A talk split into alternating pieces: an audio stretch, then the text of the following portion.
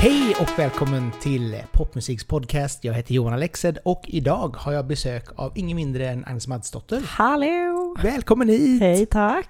Hur är läget idag? Jo, men det är bara bra som jag sa innan. Jag har flängt i, varit i fyra städer på två dagar nu. Eh, men det är, det, det är härligt. Alltså det är flängigt men härligt. Så det, det är bra Du vaknar upp liksom på ett nytt ställe varje dag och bara Vart är Ja, jag nu? Va? Exakt. Va- Var är lampan? Var är solen? Var är... det. Vad har du gjort under de här dagarna? Eh, alltså det är inte, egentligen är det ju Alltså jag säger fyra städer på två dagar, men det är egentligen att jag bor i Linköping och jobbar i Norrköping och sen har jag varit i Stockholm för att spela in en podd och sen så åker jag hit nu och träffar dig i Göteborg. Kul! Så att eh, därav fyra städer. på- Så det har inte varit så här, jag har giggat i fyra städer. Det hade ju varit någonting, men, eh, men nej tyvärr. Jag har varit i Milano, jag Ja, har varit exakt, där, ja. jag har gjort det Jag har här. mitt eget jetflyg. Det har varit kör, det är körigt. Ja, men, det, men det låter bra i alla fall. Ja. Så att bara kunna säga liksom så här, Exakt, jag, jag, är, exakt. jag är berest, jag har Ja, gjort sen ska du saker. komma och fråga vad det är jag har gjort och då sabbar ju du illusionen. Men Då gör vi inte det. nej, Utan- nej. utan- klipp bort. Ja, utan vi kör liksom Nej. bara det här att nu, nu är jag världs, världsvan Ja. resare, jag har med Mm. mitt pass, jag är en av de få som har fått pass kan du säga. Ja just det, men Ja. jag har ju faktiskt kvar mitt pass för att jag, ehm, jag är så värdelös, jag tappar bort mitt ID och mitt pass hela tiden. Så att jag skaffade faktiskt ett innan restriktionerna lyftes. liksom, så att jag tappade bort. Strategiskt. Så att ja, Det, jag var nöjd, jag kollade på mitt och det var bara så här 2023. Och jag bara Ah. yes, så kanske jag hinner få Mm, ett innan. mm. Jag kan boka upp en tid Mm. innan det. Du har ändå varit med i bloggen um, sen 2017. ja, Um, Karatea var första singeln. ja. Åh gud ja. Ja, sen kom Bråka mig hel och så, eh, så visade Men det som jag, det som jag funderar på här, du, du börjar visa mer och mer av dig själv på dina omslag. Du började Ja, liksom så här med massa blommor och sen var det Ja. hår och sen Ja. var det så här halva du. Och nu är det liksom bara så här, hela du på, mm, på golvet. ja, snart är jag naken också. ja, fan det stämmer. Ja, Men det, jag tror att det en liten Vilken, utveckling. vilken fin analys, för att jag kan ändå känna att det bottnar i att jag är mer trygg i mig själv genom den här tiden också. Ah. Eh, så att, eh, ja, det, det går ju hand i hand kanske. Du känner att du har utvecklat dig så pass som artist och liksom bara så här, nu, Ja, nu har jag hittat mig som- själv och jag är där Ja, men som vara. person också. Att, så här, jag tror innan att jag sa nej men jag, den här kroppen kan inte vara på ett omslag eller den här, alltså, ja, men du vet, alltså inte Ah. jättemedvetet men ändå så här, jag tror inte att jag hade kunnat ta en helkroppsbild då 2017 och ha som omslag och känna mig trygg i det, tror jag inte. Faktiskt. Oj, vad, vad var det som gjorde att... Framförallt att du har utvecklat dig och hittat liksom en bekväm i dig själv.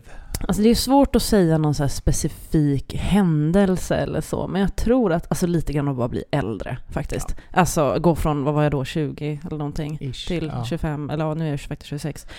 Tror jag att alltså åldern bara gör att man, om, alltså, blir lite mer, ja men, att man inte måste vara perfekt för att vara bra. Liksom. nej. Att, man, att, eh, att det måste inte mm, det måste inte vara det bästa någonsin, eller liksom, utan att jag är jag är det bästa någonsin, eller att jag är jag är bra nog.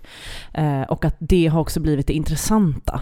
Alltså att jag tycker att, jag tycker att det är intressant vad, vad jag gör med min kropp, min röst, mina låtar. Mm. Eh, inte vad som skulle vara ja, men det perfekta, eller vad man ska säga. Men det, ja. Nej men framförallt så är det väl också den här sköna känslan av att faktiskt, som du säger, liksom så här, utgå från sig själv och Ja. inte vad man tror andra Ja. tycker. För Mm. oftast så tycker inte andra människor Nej. någonting om Nej. en. De skiter fullständigt i en. Och så visar det sig att oj, nu har jag gått omkring hela mitt liv och Ja. trott att de ska säga det här fast de inte gör det. Och det är det man märker också, att när man lägger ut någonting som inte är super, alltså på sociala medier eller släpper en låt eller en bild eller vad som Mm. helst liksom. Så det som man är lite så här, ah, kan jag verkligen lägga ut det här? Det, men det är ju jag, ja men jag lägger ut det eller så. Så får man ju som mest liksom respons också, att folk blir berörda eller att folk liksom tycker det är kul och så. Jo men så är det ju absolut. Mm. Alltså det, det är inte för inte som man nästan får mest likes på en selfie. Mm, ja, För att folk bara oh, Ja. ja. men där var du, så Mm. såg du ut, vad trevligt. Så att, men, ja nej, men det är som sagt var, det är väldigt skönt att känna att du har haft en sån personlig utveckling. Mm. Och musik, musikalisk ska Mm. vi snacka om och Mm. den har ju också varit väldigt rolig tycker jag. Kul. Men vi kan börja lite grann med, med eh, du kommer från Linköping. Mm, nej, Nej! jag kommer kom- från Stockholm, Du- men jag bor i Linköping. Ah, Och jag har ju bott har i Linköping. utvandrat. Ja. För att gå emot strömmen. Bara döda fiskar följer strömmen. Jag ska till Linköping. Eh, Men, eh, ja, jag flyttade till Linköping. Men jag har ju bott i Linköping eh, alltså länge. Jag har, all min musik har jag släppt när jag bott i Linköping. Ja. Och så. Eh, När flyttade så du dit? eh, Var det... Oj, när var det? Det var 2015 tror jag. 2015. Okej. Sommaren 2015. Min, mitt ex då flyttade till Linköping och skulle plugga. Och jag var så, jag tänker absolut inte flytta till Linköping. Och sen var jag så här, kan jag snälla få följa med till Linköping? och så kom, när jag kom till Linköping så hade jag, jag hade varit i Spanien veckan innan. Och där hade min kompis haft sönder min telefon. Och så Oj. kom jag till lägenheten och då var mitt ex ute och festade för han var så student och skulle skaffa nya kompisar och så. Och det fanns inga lampor, det fanns ingen wifi och jag hade ju ingen telefon. Så jag kom liksom till en mörk lägenhet och hade liksom inget sätt att kontakta någon. Och bara, vad har jag gjort? Och sen så hade jag liksom bara flyttat till Linköping för att säga, ja, kan väl flytta till Linköping. Och hade inga kompisar, inget jobb, inga, och mitt ex var också så här, hans kompisar han träffade i skolan ville han till en början ha för sig själv, så att han fick lära sig, för jag är ganska så här kommer in och Tar över. tar. Ja, Ja, och det var jätteklokt av honom, men det blev ju jobbigt för mig. Så jag tog, tog en bag-in-box och gick ut efter några dagar när jag fick spatt liksom, och gick ut på gatan typ och var så här, hej var ska ni någonstans? De bara, ja, ja, och, och för det var ju så här, att flytta till Linköping var ju, det är en studentstad. Man bodde ju mitt bland alla studenter så det var ju så sjukt öppet och de var så här, ja men häng med och så kom jag till en fest och där kunde jag följa med någon annan till en annan fest. Och så, alltså, så det var liksom, och då fick man liksom en första kompis och Mm. efter den kunde man träffa någon mer och så liksom kunde man långsamt etablera sig och så. Så att eh, ja, det var lärorikt. Att, men det är bra att kunna ta, ta tag i sådana saker. Ja. Jag vet ju själv när jag flyttade ner till Göteborg första Mm. gången, det var också så här. Man måste ut och träffa folk. Ja. Och bara gå på kaféer Ja. och ta kontakt med människor. Och också fatta typ att så här, men den första du träffar kan inte vara din nya bästa kompis kanske. Nej. Alltså man måste vara öppen för liksom alla. Liksom, för Ja, ja, ja. Man, det kan finnas en skatt i vem som helst och sen så kanske man träffar dens kompis som man klickar jättemycket med, eller vad det nu kan vara. Liksom. Ja, ja absolut, absolut. Så det, men det är ju jätteroligt att, att eh, vara så framåt, lite, lite osvensk och bara så här, hej nu ska vi, nu ska vi leka. Ja. Okej. Ja. ja men det var, det var ju jättejobbigt. Det var som att jag var så här, "Det- nej du vågar inte göra det här men nu gör du det ändå bara så. Mm. Vad, vad har du att förlora på det liksom? Min heder, men det... det Den har jag förlorat så länge, Ja, tänkte det du, och så bara gång. ut. Ja, ja, men så det var en ganska bra läxa faktiskt. Att så, här, vågar man bara kasta sig ut så kommer det någon... Kommer liksom Ja men det är nog bra att göra det i den åldern också, för när man blir äldre så blir Mm. man så väldigt Ja. så restriktiv och bara nej men inte kan väl jag gå fram och prata med den personen, oj oj, det Ja. går inte. Ja, jag har mycket mer, på ett sätt mycket mer skam nu. Liksom. Man har mer att förlora nu, eller vad man ska Ja, men, säga. ja, ja, jag Så kan att, tänka mig ehm, att det är lite grann åt det hållet. Tyvärr. Ja, Men hur var, hur var uppväxten? När började du hitta musiken? och det känns som att alla svarar så här, nej alltid.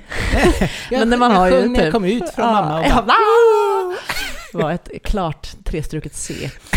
Eh, nej men, men jag, det finns faktiskt en liten inspelning på när jag var typ ett eller något och sjunger min egna egenkomponerade melodi som går typ så här la la la la la la la la la la och den tänker jag så här, någon gång ska jag göra någonting med den eh, sampla in. Gud Ja, vad roligt. eller någonting. Ja. Alltså, om, om jag någon gång, liksom, om det kommer en låt som är om uppväxt eller min familj, eller alltså någonting, liksom, då tänker jag att det ska vara kul att få in den eh, på något vis. Eh, men jag, eh, alltså jag, jag men så här, alltid sjungit, liksom, alltid velat. Och det var också så här, när man gick i typ lågstadiet så ville jag liksom starta band och ville så här, men det var aldrig någon som ville lika mycket som jag. Alltså jag kommer ihåg att jag drömde om att kunna klona mig själv för att kunna så här, spela med mig själv, för att ha någon att spela musik med. Ehm, och det är inte förrän så här, senaste fyra alltså så här, åren eller någonting som man har hittat folk som vill lika mycket som en själv. Och det är det bästa som finns att hamna i typ session med en sån person eller att göra någonting. Alltså, jobba med teater också, göra teater med någon som bara vill. Det är det enda man vill. Alltså så här, man vill lägga allt liksom. Och det är det, är det bästa som finns. Och Och det, som både förstår dig och Ja. du kan, Mm. ni kan kommunicera på samma, precis, samma språk. Precis, och det är liksom lika viktigt. Ehm, ja, Jo men det, det är väl så också, i början så är man väl väldigt sökande. Är du alltså tonåren till exempel och vill hålla på med musik så är det liksom så här. Okej, idag är det rock, imorgon är det punk Mm. Ja, och sen är det pop. Gud, ja. Alltså när man skulle välja de här äh, låtarna var det ju, vad fan ska jag välja detta? Ja, du får säga sen. Jo, nej, men det, så, så att det blir liksom så här alltid svårt att hitta liksom den här, ja men hitta sig själv. Ja, det var en stark Nightwish-period kan jag säga, som, Oj! som liten. Ja. Eh, ja, jag, kommer, jag har Så du var starkt... svartklädd och... Ja, ja, men det var... Eller, jag hade ofta... Ganska långt hade jag bara mjukisbyxor och en stor t-shirt för att jag ville inte ha någonting som satt åt eller någonting. Så jag hade liksom... Det hade jag all, fram till typ sjuan eller någonting. Alltså verkligen. Eh, men... Eh, men jag har ett minne, av- på skolavslutningen gjorde jag mig fin och då hjälpte mamma mig att då fick jag, vi gå och handla en, en svart lackkjol, det här var alltså när jag gick i ettan eller någonting, liksom när man var liten, och så nätstrumpbyxor och Nightwish-tröja. Och så hjälpte mamma mig med så ansiktsmålarfärg, att så här, måla mig vit i ansiktet med svart runt ögonen och svarta läppar. Och också när jag var, det var skolavslutningen var ju i kyrkan, och då så hörde mamma någon, någon pappa säga att nej men så kan man inte se ut. Och då var hon så här, jo min dotter ser ut så, eller hon är ju skåning, min dotter ser ut som hon vill. och det är så ballt tycker jag att hon var så här, you go, och hjälpte mig där med så, Underbart, ja, liksom. kliig ansiktsfärg. det var ju inte bra smink, eller det var ju inte sminken. Nej, det var det, så här, var, det var liksom som att ha så guldfiber i ansiktet Ja. liksom. Man bara, Ja. ah, nej vad jobbigt. Men du har även hållit på med lite skådespeleri. ja, det, precis, det gör jag. Va, eh, ja, du gör det även nu till och med. Ja, jag jobbar ju på en teater. Nu har jag precis blivit producent eh, på teatern. Berätta. Ehm, ja, eh, jag började för några år sedan plugga... Jag jobbade på... Det är så svårt att säga var den här berättelsen startar, men den kanske startar här. Att jag jobbade på ett ställe där, det var, där jag blev utsatt för ganska grova tra- sexuella trakasserier. Där du eller jag folk? Ja, ja. Blev. Nej, det var inte jag som utsatte Nej, någon. förstår, det, det förstår jag. Var det du som... Ja, så att jag fick sparken. Nej men så jag, och fick liksom inget stöd i det och så, så jag sa upp mig därifrån ganska liksom tvärt. Eh, och då hade jag väldigt svårt att få jobb för att jag hade, dit hade, jag blivit, hade blivit liksom headhuntad från olika jobb. Så då hade jag liksom jobbat väldigt kort och sen bara sagt upp mig, hade inga referenser från det senaste jobbet då. Så jag fick liksom inga jobb. Ehm, och det var, och också det här att det hade varit ganska jobbigt och så. Så det var en ganska, det var en skitjobbig period faktiskt. Men då, när jag sökte jobb så sökte jag på teatern, så här, kassör typ. Nej, inte kassör, utan vad, heter det? Ja, Biljettgivare typ. ja, biljett. Ja, men precis. ja. Fick inte det. Ringde dem och var så här, varför fick jag inte det här? De bara, men du har ingen erfarenhet. Jag bara, nej men jag vill jättegärna jobba på teatern. Och då tipsade de om att jag skulle mm, söka en liten så här regi, regilabb hette det. Det var liksom ett år så här, några tillfällen man hade som nästan som en lärlingsutbildning typ. Ett litet gäng som skulle liksom lära sig regissera då på, på teatern, alltså Ungscen Öst som gjorde teater för barn och unga liksom. Sökte det, fick det. Och mamma är ju skådespelare, jag har liksom skådespelat, alltså så här, varit med i tv-serier som barn. alltså, Alltså så det har varit ett intresse.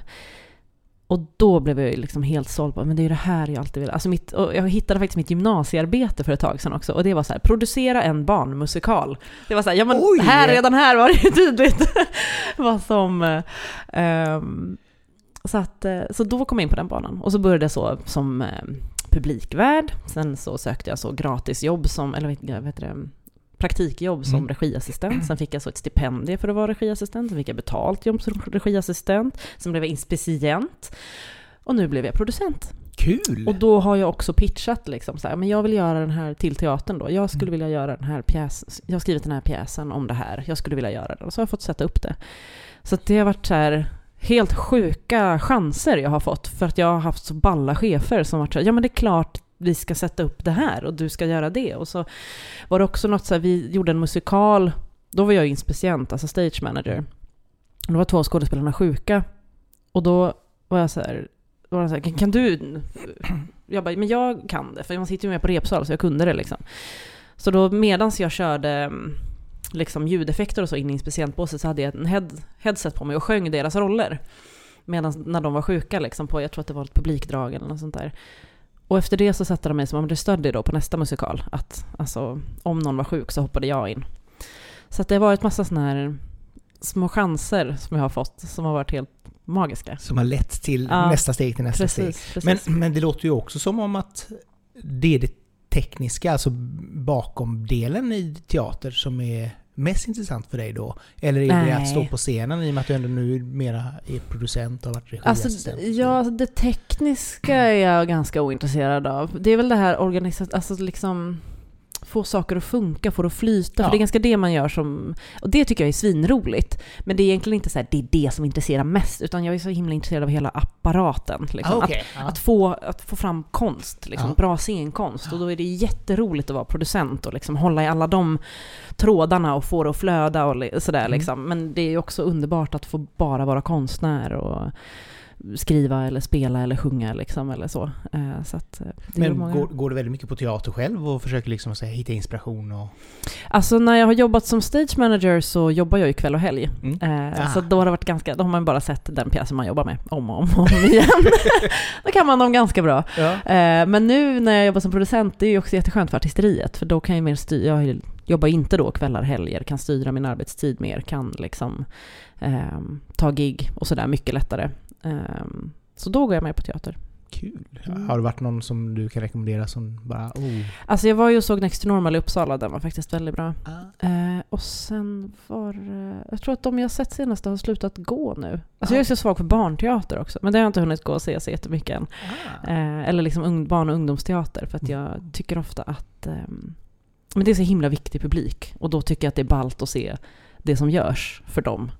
Eh, jag tror ju jättemycket på att man kan, det är så man kan göra, alltså påverka och förändra liksom, genom att spela och visa de normer man vill ha för en ung publik. Alltså, vill man ha en öppen värld kan man spela en öppen värld, Mm. typ. Och då är det de normerna och de liksom, begreppen som sätter sig i barn och unga. Tror jag på. Det är absolut, jag kommer ihåg när man själv var liten och det var sån här barnteater, då var Mm. det ju ofta så här typ Klas Klättermus, Mm. alltså det var ju typ den typen Ja. av... Och det, och det kändes inte riktigt som att det var, de hade det Nej. universella budskapet. Nej, jag kan ju sättet. bli så, när jag ser barnteater där jag upplever att så här, nej men nu har ni inte ställt er de här frågorna vad ni liksom reproducerar eller så, ni, då blir jag så otroligt sur för då är det så här, nu tar ni en plats som Mm. borde gå till någon som gör det här bättre. Eh, så att det provocerar mig jättemycket med dålig barnteater. Ja, nej, men, nej, men det, det kan jag tänka mig. Liksom. Sen, kanske det inte är dåligt i sig, men det, man kanske inte Jo. riktigt har... man kanske inte riktigt har den... den ah, det budskapet som man Nej. kanske borde ha Ja. i, i det. Eh, Och sen måste det inte alltid vara så en viktig livsläxa, men bara så här... Vad, alltså så här... Ja, men det måste ju inte alltid, alltså teater kan ju också bara vara kul. Mm. Men då finns, då finns det ändå. Eller liksom att man kan göra vad man vill. Eller, alltså, alltså, Ja. det är en svår balansgång. Det finns ju inget enkelt recept på det. Men ibland kan jag få så här, men vad är det här nu då? Liksom. Eh, Och det behöver inte... Ja, men som sagt det behöver inte vara tjo och och Mm. bara... mm. Ja, nej, men jag menar också att så här, det är inte... Det, ibland, ibland kan jag också tycka att teater bara får vara, ska få vara underhållning. Mm. Alltså det måste, framförallt för barn, att det måste inte alltid vara en läxa om att man ska inte mobbas eller, Nej, nej, eller så, liksom, utan att... Eh, ibland kan det också bara vara ett jäkla teaterkalas för Ja. barn, och så Ja. är det deras space liksom. Eh, men det ska... Ja, mm. Jo, men det är väl det som är också härligt med alltså, barnfilm idag. Ta det Mm. Pixar och Disney Mm. till exempel. Som oftast, de har ju någon form av sensmoral. Mm. Alltså, du, du duger som du är, Mm. eller familjen är viktig Mm. och så vidare. Nästan alltid. Mm. Men det är ju också gjort på ett sånt där charmigt sätt som gör att barn tycker Mm. det är roligt och föräldrarna tycker det är intressant. Och med respekt för barnens intelligens. Ja. Liksom. Och också så väl, alltså det, jag tycker att ofta musik i barnteater och sånt där är Mm. så här, men här kunde det vara bättre. Alltså barn älskar ju hitlåtar. Ja. Det märks ju supertydligt. Ja. Eh, och, och Disney gör det ju faktiskt bra. De gör ju faktiskt bra musik för barn. Liksom. Ja. Men, eh, ja. Och det, och det är ju inte för inte som barnen på, på eh, förskolan sjunger musik ifrån Melodifestivalen. Nej, exakt. För att det bara, Mm. åh, det här var käckt och den här Hittigt, låten var liksom, liksom. så ja men exakt. Och då kanske man ska ha, ha det och inte Mm. bara Olli bom bom ba, Ja, Olli bom exakt. blir folk bara så ja, kanske inte. Har du, någon, har du någon drömuppsättning som du skulle vilja göra? Alltså, Ja, nu är det ju faktiskt att jag har skrivit en egen föreställning som jag, jag vill inte prata för mycket om den, Nej, men, men den skulle, med egen musik. Ehm, så att för mig nu är det min drömuppsättning, för den har ju levt i en ett tag liksom. Så att den eh, skulle jag vilja göra. Har, hur, hur, lång, hur lång tid har du lagt på det? Utan att berätta vad det handlar om och så vidare. Men just här. Ehm, jag började skriva den när pandemin kom. Ah, ja. Eh, så att, eh, och den är typ klar nu. Så att, vad blir det? Två år, Ja, två år av ja. eh, blod, svett och tårar. Ja, men det är mycket så här, alltså också när, det är samma när jag skriver musik, att jag bara har tråkigt ett tag och sen så skriver, alltså först när jag skrev så jag satt en natt och skrev klart den typ. Och sen har jag skrivit om den och ändrat och skrivit nytt och det, det, det. Först baserades den på Adele-låtar, sen bytte jag ut alla dem och skrev egna låtar. Alltså så att det är så här, ehm, den har haft sina turer, men det är ofta att jag, jag skriver mycket, sen ingenting. Och sen skriver jag mycket, så att så här, i timmar blir det ju liksom inte två år.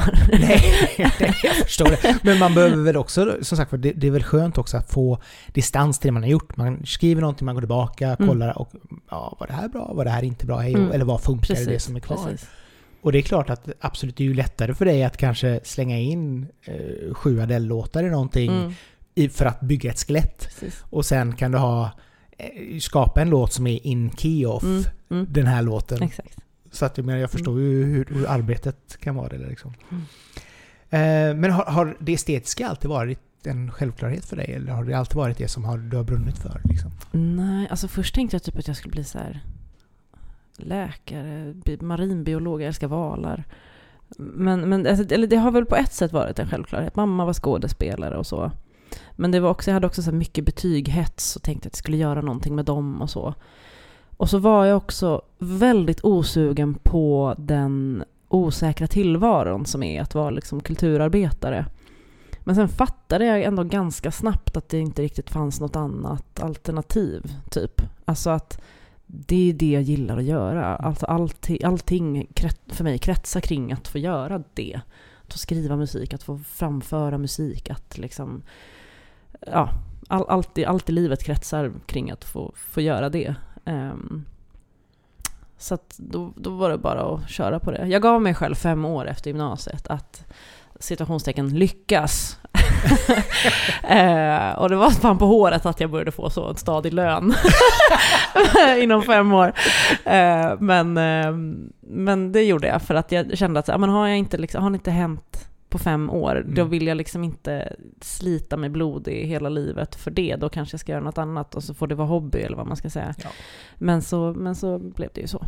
Så nu känns det som att du ändå har kommit till den punkten där det faktiskt rullar in pengar, du Ja. känner att det kan funka. Mm, precis. Och då blir det ju ändå, alltså samtidigt, har du sången och teatern, Mm. då har du ju ändå Mm. Visst, du har två styckna eh, jobb som, som stängs ner om det är pandemi. Ja, det var gött. Absolut. men, men, men du har ju också faktiskt två jobb, eller två jobb Mm. som kan ge olika inkomster. Exakt, och det, jag märker det att så här, blir det körigt i det ena, alltså blir det jobbigt i det ena, går det inget bra, Mm. Då går jag till det andra och så går det bra där. Alltså att jag liksom switchar lite grann. Att så här, händer det mycket på ena, då kanske inte händer mycket på andra, men händer det mycket på andra. Alltså så här, Ja. Och det, det är så himla värdefullt. Och jag tror också att man blir så mycket bättre konstnär av att jobba tvärkonstnärligt. Alltså, jobbar du med teater så tror jag också att du har, det kan påverka vad du skriver för musik. Och skriver du musik kan det påverka din syn på teater. Eller liksom, så att jag tror att det är och också att göra olika delar i det. Att skriva, att sjunga, att... Eh, tror att, för, för mig ger det jättemycket. Ja, Att framför- liksom, Framförallt så kan jag tänka mig att man med teatern så träffar du ju människor. Alltså Mm. ofta så tänker jag liksom så här att, att sitter man och skriver och är artist och jobbar hemma, då, då det blir lite grann isolerat. mm, Men teater är ju så extremt extrovert. ja, och väldigt kollektivt. Ja. Och, och att man träffar människor, man får insyn, någon kanske berättar någonting så här. Mm. Ja, det är väldigt härliga luncher. Det är mycket så livet, döden, ja. passionen-samtal. Eh, Det, är- ja, det är väldigt härligt. Jag trodde ju liksom lite grann att, du, att eh, ditt, ditt jobb hade varit liksom florist. Liksom så här, rosa nejlikor och Calatea. Och så bara, jag vill, jag vill upp den här lilla eh, blomsterståndet.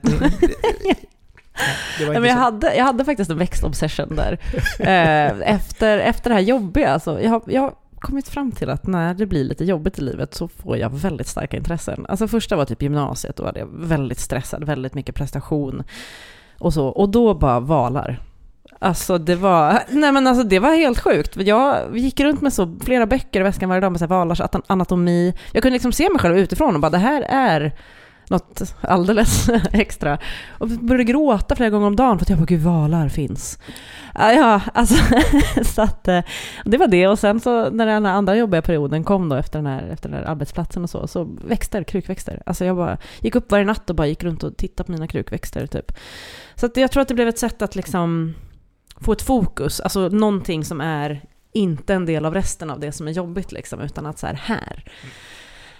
Um, Ja. Så du har gröna fingrar i alla fall, så kan man säga. Ja, men det har jag faktiskt. Ja, men det är bra. Det är bra. Det är, jag är ganska nöjd med min samling. Ja, men jag såg att du hade en jättefin monstera här borta. Ja, ja den är ju stor som bara den. Mm. Uh, så den, den, är, den är jag nöjd med. Mm. Uh, min sambo är inte lika duktig på gröna fingrar, så jag har fått hand om hans blommor också. Ja. Men de, de överlever lite grann. Den var väldigt fin. Ja, jag är nöjd. Mm. Så att uh, vi, ja, det, it's, it's a work in progress. Mm. Men det behövs bytas ut. Men den här garderobsblomman ska nog inte stå så ljust va? Nej, den ska nog kanske planteras om tror jag snart också. Eh, den är inte jättesnygg längre. Är, vi har en jättefin... Men den är väldigt fin när den står där. Alltså... Ja, fast vi har en garderobsblomma i, i, i sovrummet som är liksom så här många.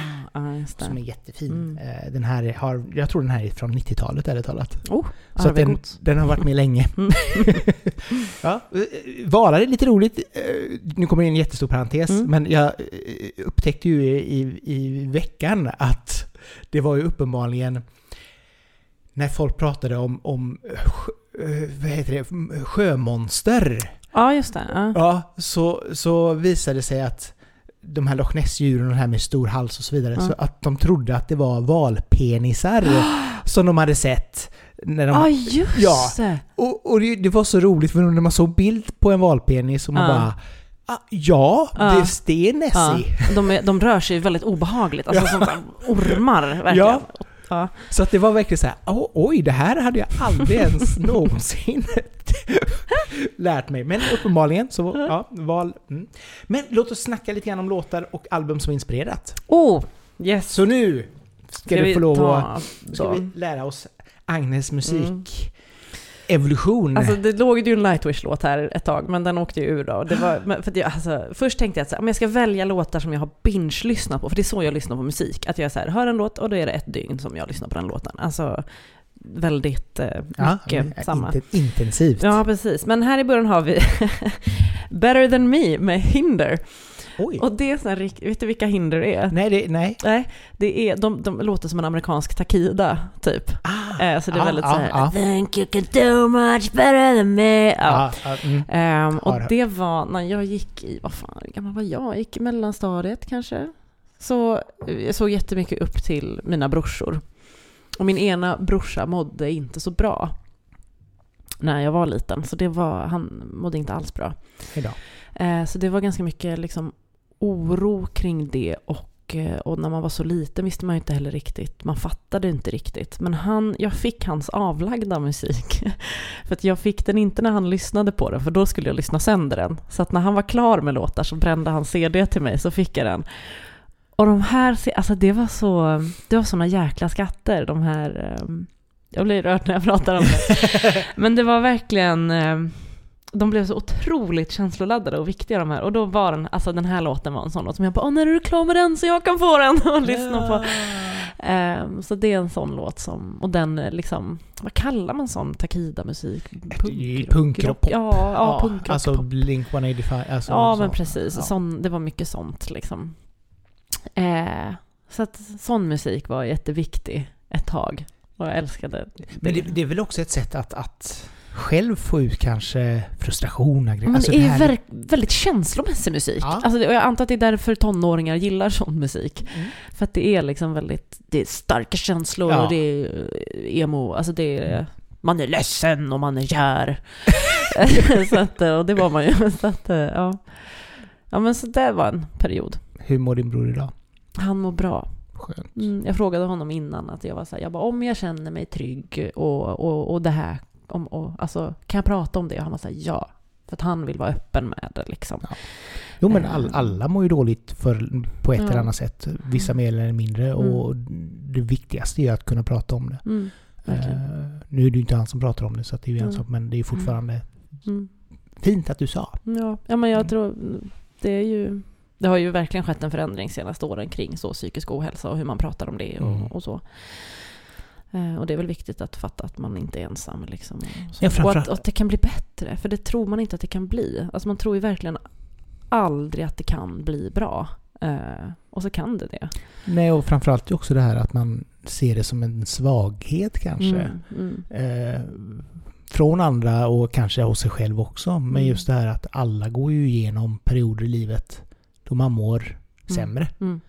Eh, Mm. det går liksom inte att komma ifrån. Hur, hur, hur man än vill se ut utåt så... Och det kan också vara så här, om folk som har haft ett väldigt lätt liv, som alltid varit glada och så, så Mm. stöter de på någonting jobbigt, då kan det bli superjobbigt för Ja. dem. Alltså vad det, det nu än är. Så att, och folk som har haft det lite tyngre kanske har en större, ibland en större resistens mot när det händer jobbiga saker sen, för att man, liksom, man, man har tagit sig igenom någonting, man vet lite hur man ska hantera när det inte går bra eller när det liksom... Jo, man har en tröskel som är, Ja. Som är lite... Eller smärttröskel som är högre. Absolut. Om det nu inte är så att man blir ännu känsligare för det. Liksom. Alltså, det är ju, alla är olika. Liksom. Jo, jo, så är det ju. Så är det ju. Men som sagt var, det är ändå bra att man kan... Att, Mm. vi, att vi vågar prata om det Mm. mer. Eh, och inom musiken har det ju gjort en jättestor skillnad sen till exempel Avicii tog livet av sig. Ja, just det. Att Mm. alla har liksom förstått att okej, det är inte en jättesund bransch vi Nej. jobbar i. Nej. Vad kan vi göra för att det ska Mm. bli bättre? Så att det... Vi fortsätter på din lista. Ja, det gör vi. Då ska vi se, vad har vi nästa? Åh, oh, då har vi Macke Krunkegård. Macke! Eh, han eh, dundrade in i mitt liv för några Jag var ganska sen på bollen faktiskt. Eh, men för några år sedan. Eh, och framförallt för typ ett, två år sedan eller någonting så liksom fattade jag verkligen storheten. Och det gjorde så mycket. Alltså han, vi pratade om det där att gå, gå sin egen väg. Och det, alltså han, han gör ju så himla konstiga låtar. Alltså, och den låten jag har valt nu är Jag vet du stör dig hårt på mig. Eller Du stör dig hårt på mig kanske den heter. Och det är så här. Vad fan han solglasögon inomhus på sig? Tror han att den är en cowboy eller? Alltså det är så konstiga texter och så konstiga betoningar. Och det är jättebra. Mm. Och det gjorde så mycket med mig i att här, släppa spärrar på hur popmusik kan låta. Och framförallt den här att så här, ja men det var ju ingen som lät så här innan. Nej. Och så gjorde han det och så gick det skitbra. Att, att jag, kan, jag kan, vad jag tror är bra, vad jag tycker är bra, det är det som är bra för mig. Ehm, och det är en sån himla bra inspiration. Roligt. Ja men han har ju alltid, han har som sagt var, det, det är också kul att han har på något sätt blivit så eh, folkkär. Ja. Med att vara lite, lite ADHD, lite Mm. ja, högt och lågt Ja. och hej och hå. Mm. Eh, Så att det, är, det är ju jättekul den utvecklingen som han har från Laxo och Ja. sina egna grejer Mm. liksom. Så att, jätte, jättespännande. Mm. Efter Marcus då, vad har vi då? Mm. Efter Macke har vi ett helt album. Oj! Och det är, när man pratar om så här, ja, men musik som har påverkat dig i livet. Det är klart att Satan i gatan och Veronica Maggio är Ja. en stark, men det är inte den, för jag kände att den, den kan vi inte prata mer om. Det blev så obvious! Ja men precis, så jag tog istället, eh, Linnea Henriksson släppte ett album för några år sedan. Ja. eh, Som hette, jag tror att det hette Linnea Henriksson, det Ja. här med massa små teckningar på. Och det var så himla bra. Första gången jag lyssnade på den var jag lite såhär, meh. Jag lyssnade på den andra gången och bara, men gud! Så de låtarna lyssnade på väldigt mycket. Och, och då, det var då när jag liksom började skriva popmusik typ, eller hade, jag kanske hade släppt någon, några låtar liksom. Mm. Så jag blev väldigt influerad av hennes, liksom. Jag tyckte det var så sjukt bra musik och jättebra texter om lite udda teman och Ja, och så, ja, hon är ju fantastisk. Och så tror jag också det här att hon liksom proddar, skriver själv var en väldigt stor inspiration till att så här, det kan jag också göra. Alltså jag kan vara kompetent fastän jag inte har gått en musikproduktionsutbildning eller liksom, nu producerar inte jag min musik själv, Mm. utan jag sitter ju alltid med en producent. Men det här att liksom mina idéer är bra. Jag kan också säga hur basgången ska vara. Ehm, eller så. Ja. Jo, nej men det, det är ju sånt som, alltså hon har ju också gjort en jättespännande resa Mm. eh, som artist. Och, och just där också att hon är schlagerfan. Det är också Mm. roligt. ja, just det.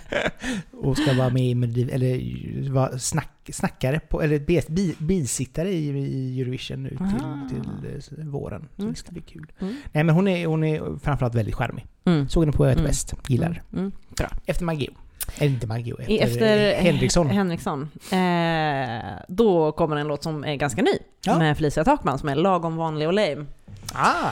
Alltså den tog mig med storm! Och det var också så här, för när pandemin släppte och man kunde gå ut och dansa igen, då var det som att jag inte hade något tålamod med den här klubbmusiken, så då bara satte jag in egna hörlurar och lyssnade på lagom vanlig och lame hela kvällen och dansade till det istället. För jag var så här, jag orkar inte med det här.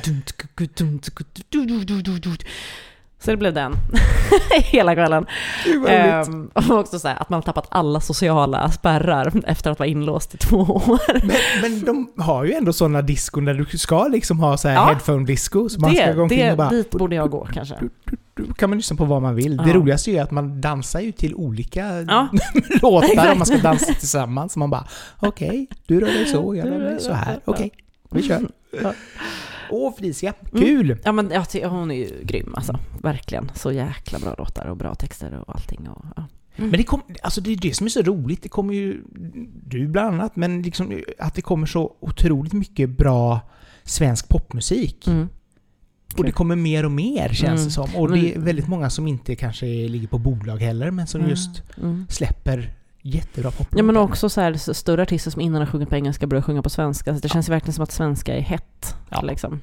Och att vi kanske någonstans har omfamnat svenskan. Just det här Mm. att vi inte längre är det här att åh, det är, det är töntigt att sjunga på svenska, Mm, det är töntigt mm. med svenska filmer, hej och Mm. Utan nu är det verkligen ja, all in svenska. Mm. Och det, är- alltså det är ju det här att skriva, jag började, när jag började skriva musik och började skriva på svenska så var det lite, det är ju svårare tycker jag.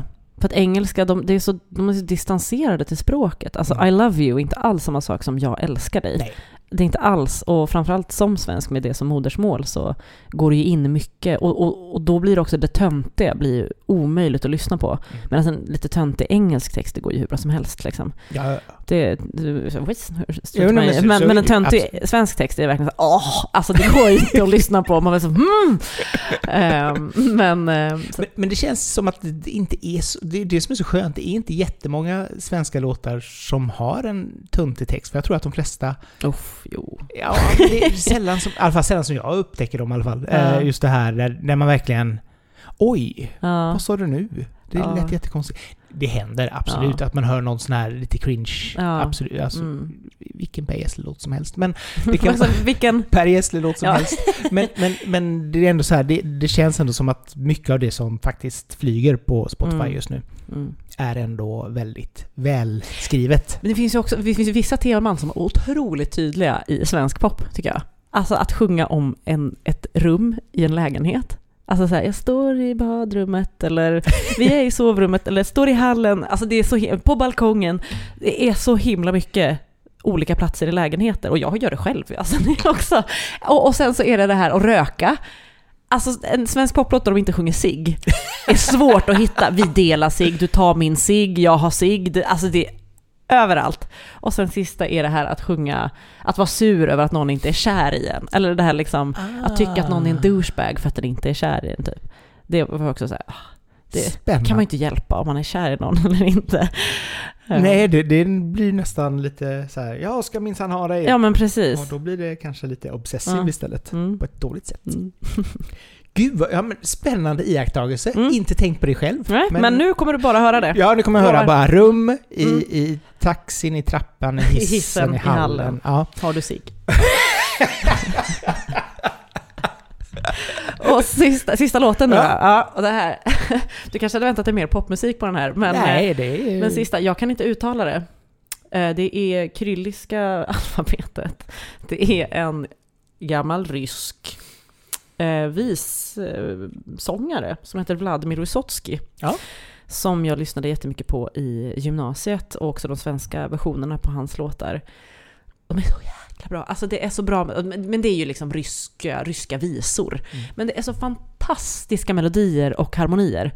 Alltså, och jag tror att det har påverkat mig jättemycket hur, hur jag skriver musik. När jag började skriva, alltså, och i början när jag ackordsatte mina låtar fick min producent säga ja, och då tar vi ner, alltså så här, att jag bara, och den lilla färgningen, och den och den, att jag bara så här, på med allt, ingen Oj. smak. Eh, och att han var så här, ja, då tar vi ner för att det ska bli lättlyssnat och liksom bra, så gör vi så här istället. Men, men det har påverkat mig jättemycket tror jag, de där melodigångarna, det, det hörs nog inte. Eh, men, eh, men, men och, och det är väl också ganska typiskt för den svenska liksom, musik... ehm, arvet, det här melodiska, alltså från Riedel och Ja, sådär, ja. att det är väldigt melodisk musik. Ehm, och det har jag nog fått lite från det också. Kul, spännande. Just det här, det är inte riktigt den in- inspirationen man, man riktigt tänker Nej, på. nej, Men- nej. Men det har varit lite pop i alla fall. Och så Ja. lite, ja. Mm. Jag lyssnar ju mest mycket på pop. Ja. Ja, men det har varit många faser i livet. Ja. Jag upptäckte ju pop väldigt sent alltså, faktiskt. Eh, Ja, okej. Och var så oj kan musik vara så här bra? eh, och när jag var, ja men så här. Man, men det var ju Satan i gatan var ju bra, men man fattade ju inte riktigt vad man skulle hitta mer sån musik förrän Nej. så slutet på gymnasiet. Då började jag fatta så här, men Jakob Karlberg och, ja, nu, vad finns det för pop? Nu, nu Mm. gillar jag mycket så här, men Donika är ju toppen, Donika Nimani. Mm. Ehm, Felicia Takman. Markus Krunegård får man ändå kalla pop. ja. Eh, och så. Mm. Så att, jo, och så just det här att det varje vecka kommer någonting nytt och, Ja. och att det blir som sagt var mer och mer just svensk pop. Mm. Mm. Vilket är jätteroligt. Mm. Uh, sen vet jag inte, hur mycket lyssnar du på dig själv? Alltså ganska mycket. Du gör det? Ja, men inte så mycket på de låtar som har släppts. Men de låtar som inte har släppts lyssnar jag på alltså, pinsamt mycket. Men det är som att jag behöver liksom lyssna på det. Då håller man ju på med det fortfarande. Mm. Och man, det behöver land, man, man ska skriva så... När man släpper en låt är det ett helt jäkla arbete med all liksom campaigning kring låten. Ja. Då behöver den vara så himla i en för att man ska fatta vad är det jag har gjort liksom. Ja, men som senaste Rosa Nejlikor, att så här, nej men det är liksom ett distat litet sockermoln, Mm. typ. Elakt litet. Ehm, det behöver, man behöver, jag behöver fatta det för att de har varit i så många olika faser, Ja. liksom, låtarna. Då behöver jag liksom... Jag behöver peppa igång mig själv också. Och så, och så är det ju, men så fort man har skickat in det till Spotify, då kan jag inte lyssna på det längre. För då finns det vet inte, paniken mellan att man har skickat in det till Spotify och det kommer ut. Alltså då kan jag inte lyssna på det. För Ja, men det kan jag tänka så här, mig. nej men jag skulle ha mixat sången starkare. Eller jag ska, alltså du vet. Håller du på för länge med en låt eller känner du att du... Vad sa du, håller jag på... Har, har- du en tendens att hålla på för länge med en låt eller är du liksom så här, nej men nu släpps den och så är jag nöjd? Nej, jag tror inte det. Jag jobbar Nej. alltid tillsammans med någon också. Och det är ganska skönt för då är det så här, ja men nu är, nu är mixen klar va? Ja. ja. Ja, Det, det behöver att vi är någon man litar på liksom. Ehm, men nej, jag tror faktiskt inte det. Ändå ganska så... Ibland har det nästan varit problemet att jag har hållit på för kort med en låt, alltså tidiga låtar. Jag tror att jag vet inte ditt efternamn i någon låt som jag släppt för länge sedan som ingen lyssnar på. Men den släpptes för, för snabbt. Alltså den, det, var en, det var en väldigt fin grund till en bra låt, men den... ehm, jag vet inte, den... eh, Nej men för det är också intressant, alltså just musikmässigt, alltså eh, om vi kollar på Concrete Cubes. ja, det har varit långt bak i Nu tiden. går vi in långt bak i tiden. Ja, men det var ju liksom så här härlig, eller härlig, ganska basic singer-songwriter-pop Ja. kan man Ja. väl säga om man ska vara helt ärlig. Mm, Ingenting som stack ut men det var liksom så här, Mm. ja. mm. Men det var också intressant att det var engelska och svenska. Ja, just det. Det var två Mm. engelska låtar och en svensk Mm, låt. Och just det här hur du har utvecklats som artist och som låtskrivare från det Mm, och bara nästa singel, alltså Calatea mm, och där du är idag, där Mm. det är liksom väldigt välproducerat. mm. Eh, alltså nya Rosa Nejlikor är ju liksom fantastisk poplåt. Tack. Texten är liksom helt magisk. Men just det här, hur, hur känner du själv liksom så här att, va- vart var du när du gjorde Concrete Cubes liksom? Kommer du ihåg Alltså det? då hade jag, typ, några av de låtarna skrev jag ju när jag gick gymnasiet. Mm. Alltså jag tror att så här, Det som regnar är eh, typ den första ordentliga låten jag skrivit. Liksom. Alltså, och där var jag också, de spelade jag in tillsammans med min farbror här i Göteborg faktiskt. Han är liksom trummis vid Galenskaparna, alltså som musiker och så. Ah, Så då åkte jag ner till, det var jättehärligt, då åkte jag ner till honom och liksom var hos honom och vi spelade in de här låtarna. Eh, och han är ju mer så här lite, han, han kallar det för slrungofon. Den här, det, det är något ljud som plong, plong, plong, plong, plong, plong, plong. Det är Ja. att han har liksom satt ihop massa, han spelar på strängarna på ett piano och satt ihop Ah, massa ja. olika stränginstrument och gjort någonting. Så han är mer så experimentell liksom. Och han var ju inte inne och filade så mycket i själva låtarna liksom. Utan han var så här, ja du har skrivit musik, fint, vi gör det liksom. Och så producerade han det liksom. Sen så träffade jag ju Viktor Ja, i Linköping och det var ju han som producerade Calatea då. Lite Lövgren. Ja, precis. Mm. Och han var ju med sen. Han, han, vi träffades på teatern. Jag var regiassistent, han var ljudtekniker på, på en grej. Eh, och då, ehm, då var han så här, ah, det som regnar, superfin. Men har du tänkt på det här? Och började liksom... Eh, alltså nu låter det som att han bara, men har du tänkt på det här? Han gjorde, han gjorde det väldigt fint. Alltså väldigt fint. Lilla stumpan. Ja, men precis. Ja, Superfint, men eh, jag ska bara berätta hur du ska göra. Nej men alltså han är dunderfin och var så här. vi, vi träffades, jag läste lite texter jag hade skrivit och han, han, det var så viktigt att han var så här, gud vilka bra texter. Mm. Och jag bara, Åh, är, är det sant? Eh, Bekräftelsen, Precis, bekräftelsen. precis. Och han skickade liksom saker han hade gjort. Och jag bara, gud det är så här jag vill att det ska låta, min musik. Det här låter ju pop liksom. Ehm, och då fick jag, och jag kommer ihåg, han skickade också någon så här, här har du om du vill. Ett klipp på någon person, Pat Pattison tror jag han heter. Som höll någon så här, så här kan du tänka när du skriver låtar. Samma massa verktyg. Mm. Och jag bara, aha!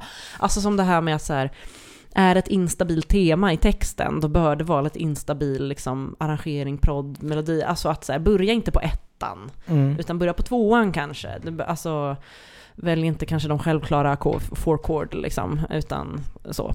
Och det var så himla, för då fick man liksom mer verktyg att plocka in i att i vad man gjorde och att så här, är det inget bra? Nej men lägg till det här kanske, eller ta bort det här, eller liksom och det blev ju också en större frihet i att skriva, att man kan, man kan fucka till det lite och så.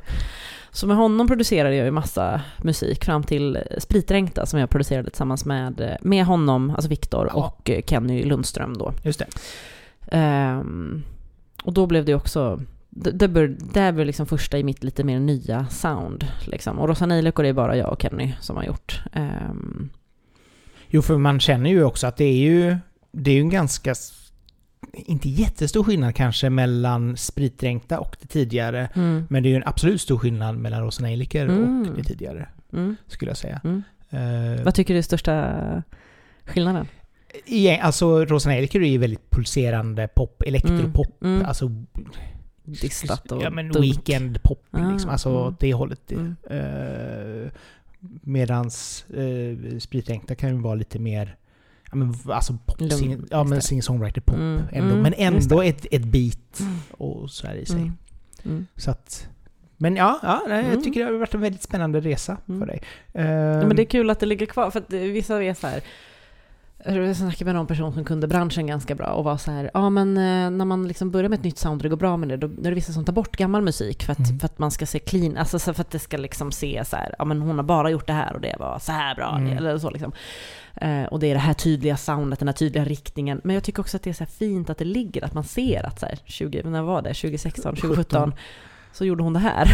Jo men jag tycker det är jätteviktigt. Man ska ju Eh, aldrig, man ska ju aldrig vända ryggen till vem man är. nej, nej. Lite gärna. För jag menar, alla har ju en utveckling. Precis. Sen är det klart, absolut, det, många kan ju vara sådär att man kör sin Instagram och så har man en viss stil och så, Mm. sen så raderar man allt och så börjar man Mm. om från början. Mm. Och ja, där är det kanske lättare att göra så, men jag skulle nog säga att just ens musik, det är lite roligt för fansen Mm. också att se att okej, jag började här Mm. och nu är jag här. Mm. För jag menar, Mm. det, alla har ju liksom en historia Mm. Någonstans. Precis, precis. Ehm, du var med i P4 Nästa 2021. ja, Salt. jajamän. Uh, Förlorade. Bitterhet det bara som bara slog mot mig. Mm, förlorade. ja, ja, just det. Ja, det var salt. Ja, just det. För först var jag med med, eh, med Bara Barn, ja. Ja. Och sen så var jag med med Salt. Men! Han som jag förlorade mot, eller de jag, sångaren i det bandet jag förlorade mot, vi släpper en singel snart. Kul! Ja, så det är toppen. Så nu har jag liksom ändå hittat någon form Ja, men av de, arbete. var, de förtjänade att vinna, de var jättebra. Ja. Alltså. Ja. Ehm, Men, då, men du kom två alltså? Eller men det vet du- man vet ju inte Nej, placements. Okej, ah, okej. Ja, ja, förlåt. Ehm, Utan eh, det var inte ditt namn som sades i alla fall. Ehm, hur, var, hur var den upplevelsen egentligen? Alltså vad gjorde P4 Nästa för dig som artist? Alltså första gången jag var med gjorde det nog mer än Mm. vad det gjorde andra gången. Eh, faktiskt. Eh, för att första gången var det ju mer att så här, men då spelades det mycket i radio. Eh, Det blev som ett så här... ja, men din musik är bra nog-grej, liksom. Ja, okej. Ja, ringa på Eh, vatten. Ja, men precis. Och, och, och mitt, med mitt självförtroende också. Mm. Ehm, men, men, men det har inte varit en jättestor grej för mig ändå med P4 Nästa. Ehm, tror jag inte. Alltså, jag, jag kanske bara inte har koll på hur stor tävlingen är. jag vet inte. Ehm, men, eh, för det är ju det är ju ganska, man medverkar ju ganska lite. Alltså det blir en ganska liten del för att du har redan skrivit låten och släpper den för sig själv och sen är den med där också och då röstas det och grejer och sen så är man med på liksom finalen eller vad Mm. man ska säga. Ehm, men men ja, det är också något, jag gillar ju inte riktigt att tävla, typ. Alltså, jag tycker det är jobbigt att så här, gå in och rösta på mig nu liksom. Alltså jag vill ju säga, av de som lyssnar på mig, jag vill inte kräva det. Nej. Jag vill ju bara eh, ge bra musik liksom. Alltså, sen är det, det är helt sjukt att folk går in och röstar. Alltså, det, blir så, det är ju fantastiskt liksom. Men jag gillar nog inte den där grejen att liksom hålla på och hetsa om att rösta och sådär liksom. Så att det, det, mm, ja. Så Melodifestivalen är inte din grej.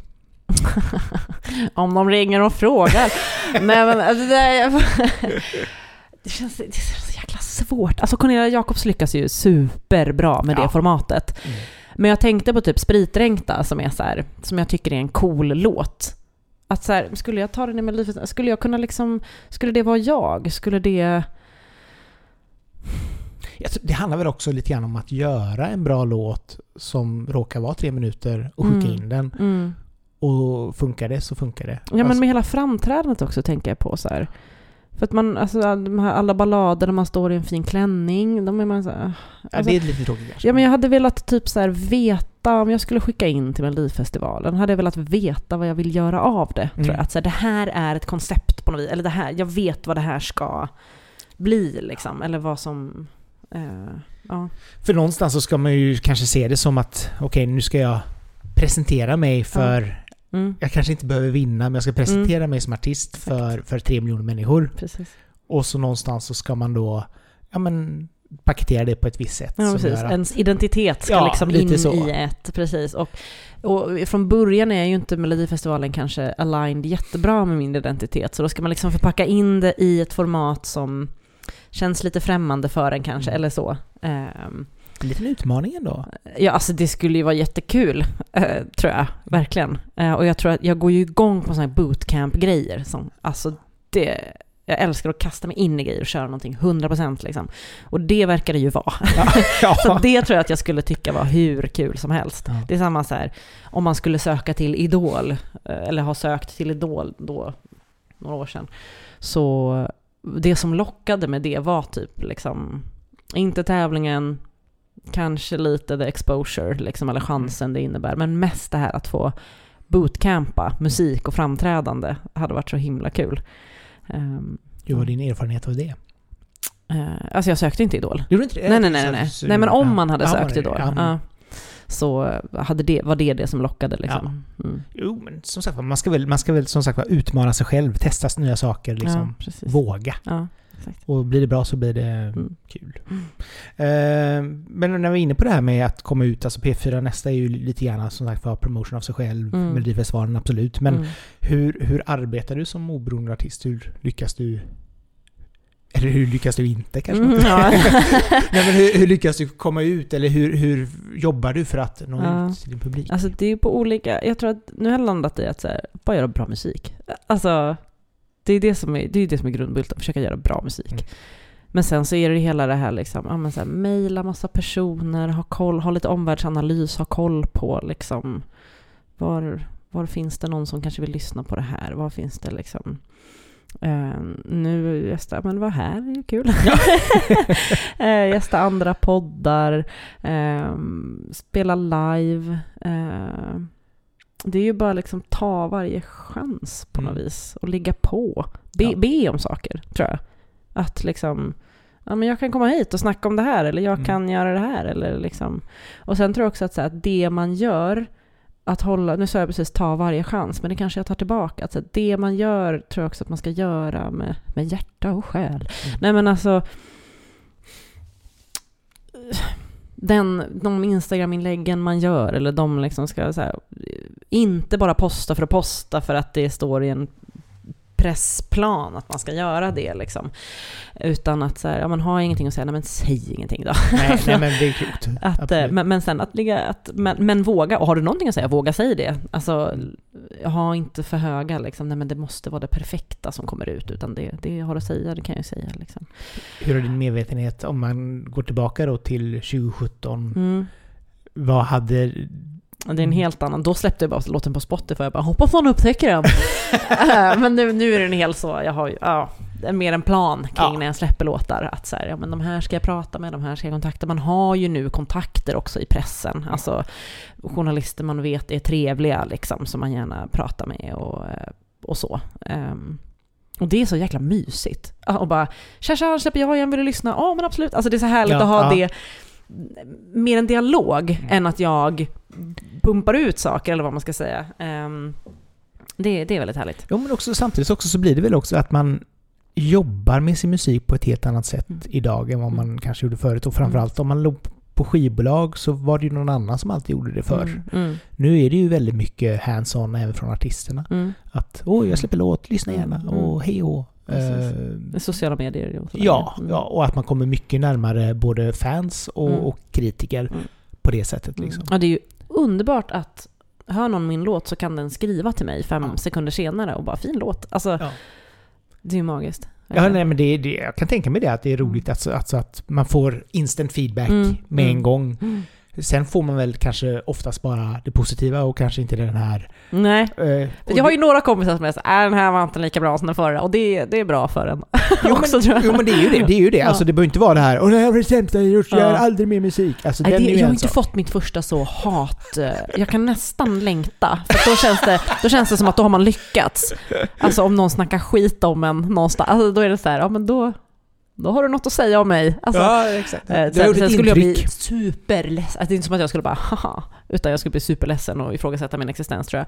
Men, ehm, men det, jag, det, det, skulle ändå kännas lite spännande. Alltså, Du får göra någon, någon låt som provocerar, Ja, som bara är till för att provocera. Ja. Och så Mm. bara... Jobbigt. njuta. Innan, innan vi eh, stänger eh, fabriken för idag Mm. så tänkte vi att vi ska bara snacka lite grann om Rosa Nejlika. Ja. Nejlika, eller Rosa Nejlikor. Mm. Ehm, hur arbetar du fram låten? Vi kan börja där. Alltså refräng, den här eh, Rosa Nilik och jag saknar dig, tänker på den när jag tar på mig. Du dansar. Ja.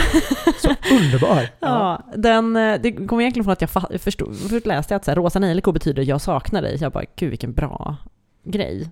Och då kom det direkt så här, tänker på det när jag tar på mig. Och det var typ fyra år sedan eller något. Och jag bara, nej men gud det kan jag inte sjunga. Så jag skrev in det i något dokument i någon drive och bara, woho! Och så nu var jag så här, det är klart jag kan sjunga det, gud. Um, klart jag ska sjunga det. För det är ju faktiskt jag det. det är ju den textraden som verkligen Mm. sätter sig liksom bara så här. Mm. Hon sjunger om onani. Ja. och om så lite skamlig onani, att så här, det här borde jag inte tänka på! Så Och jag tycker det är jätte, det var så Ja. härligt och så just produktionen är så sjukt bra. Ja, tack. Ja, men den var, för att vi stod, fan vad vi kämpade med den. Mm. Alltså, och all kudos till Kenny som är så här, bara, jag bara, det ska vara så här, och han bara okej, okay, och så la han in något skitsnyggt beat och jag bara, ah nice, och så mer, det är dist där också, dist, kan vi dra ner EQ? Alltså så här, tills det bara skramla satan. Och så här, fan den här mixen, vi, vi gjorde så många mixar och bara det, antingen låter det skramligt eller så låter det så jäkla tamt. Alltså det fanns, vi hittade liksom inte, tills han bara, nu då, skickade en mix och jag bara, här, här var det! Och det var, han var så här, han bara, jag var nära på att ge upp.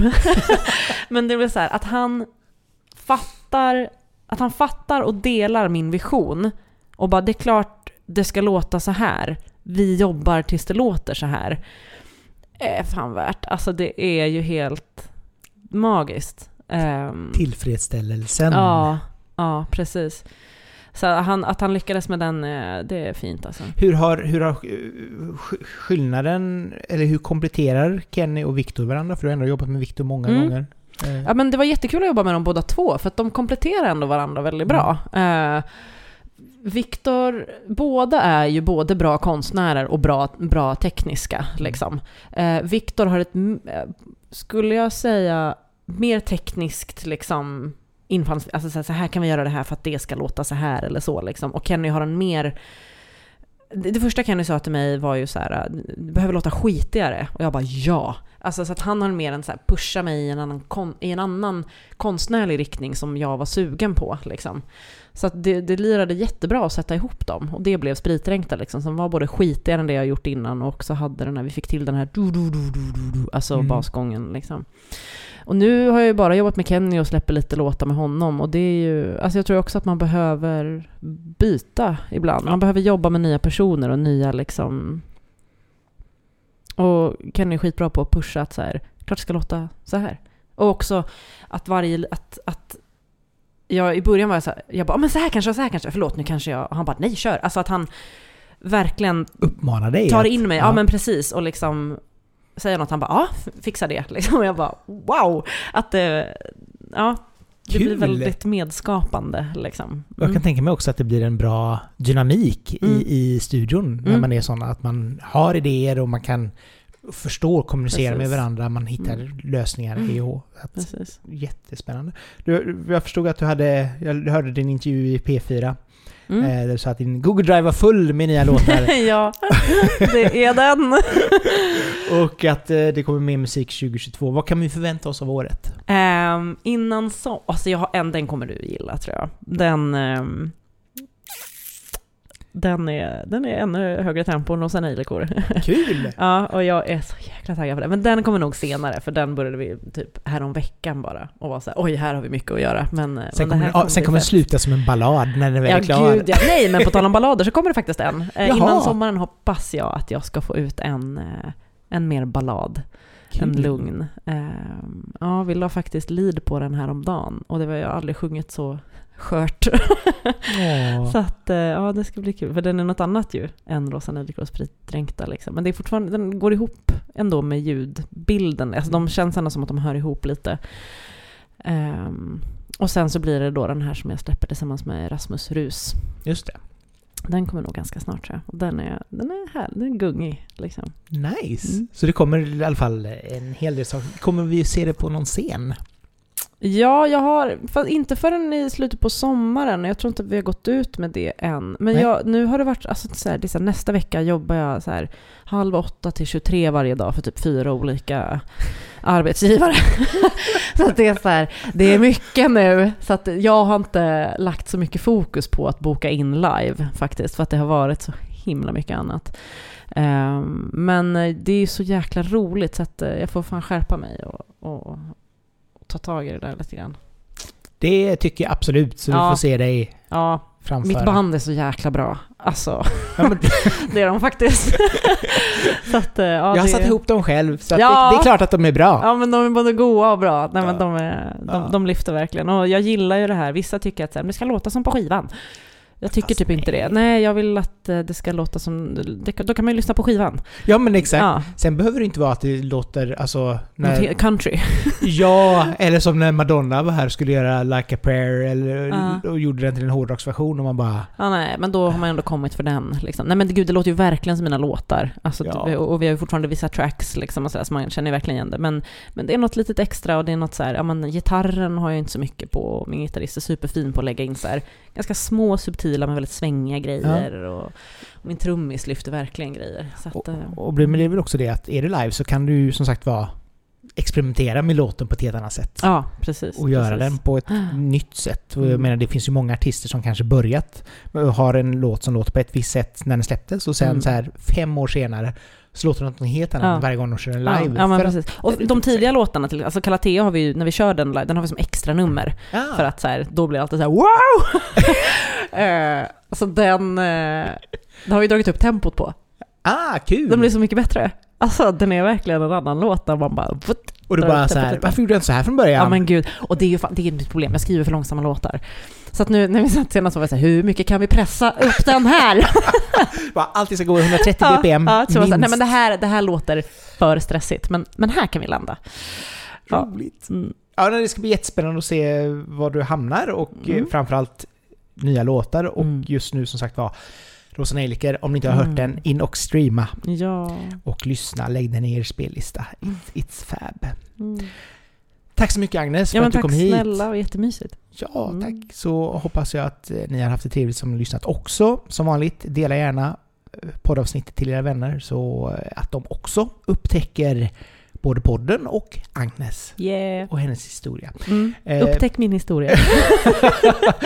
Prenumerera gärna på podden så får ni nästa avsnitt direkt ner i er poddapp. Men ifrån ett dimmigt Göteborg så säger vi tack och hej! Tack och hej.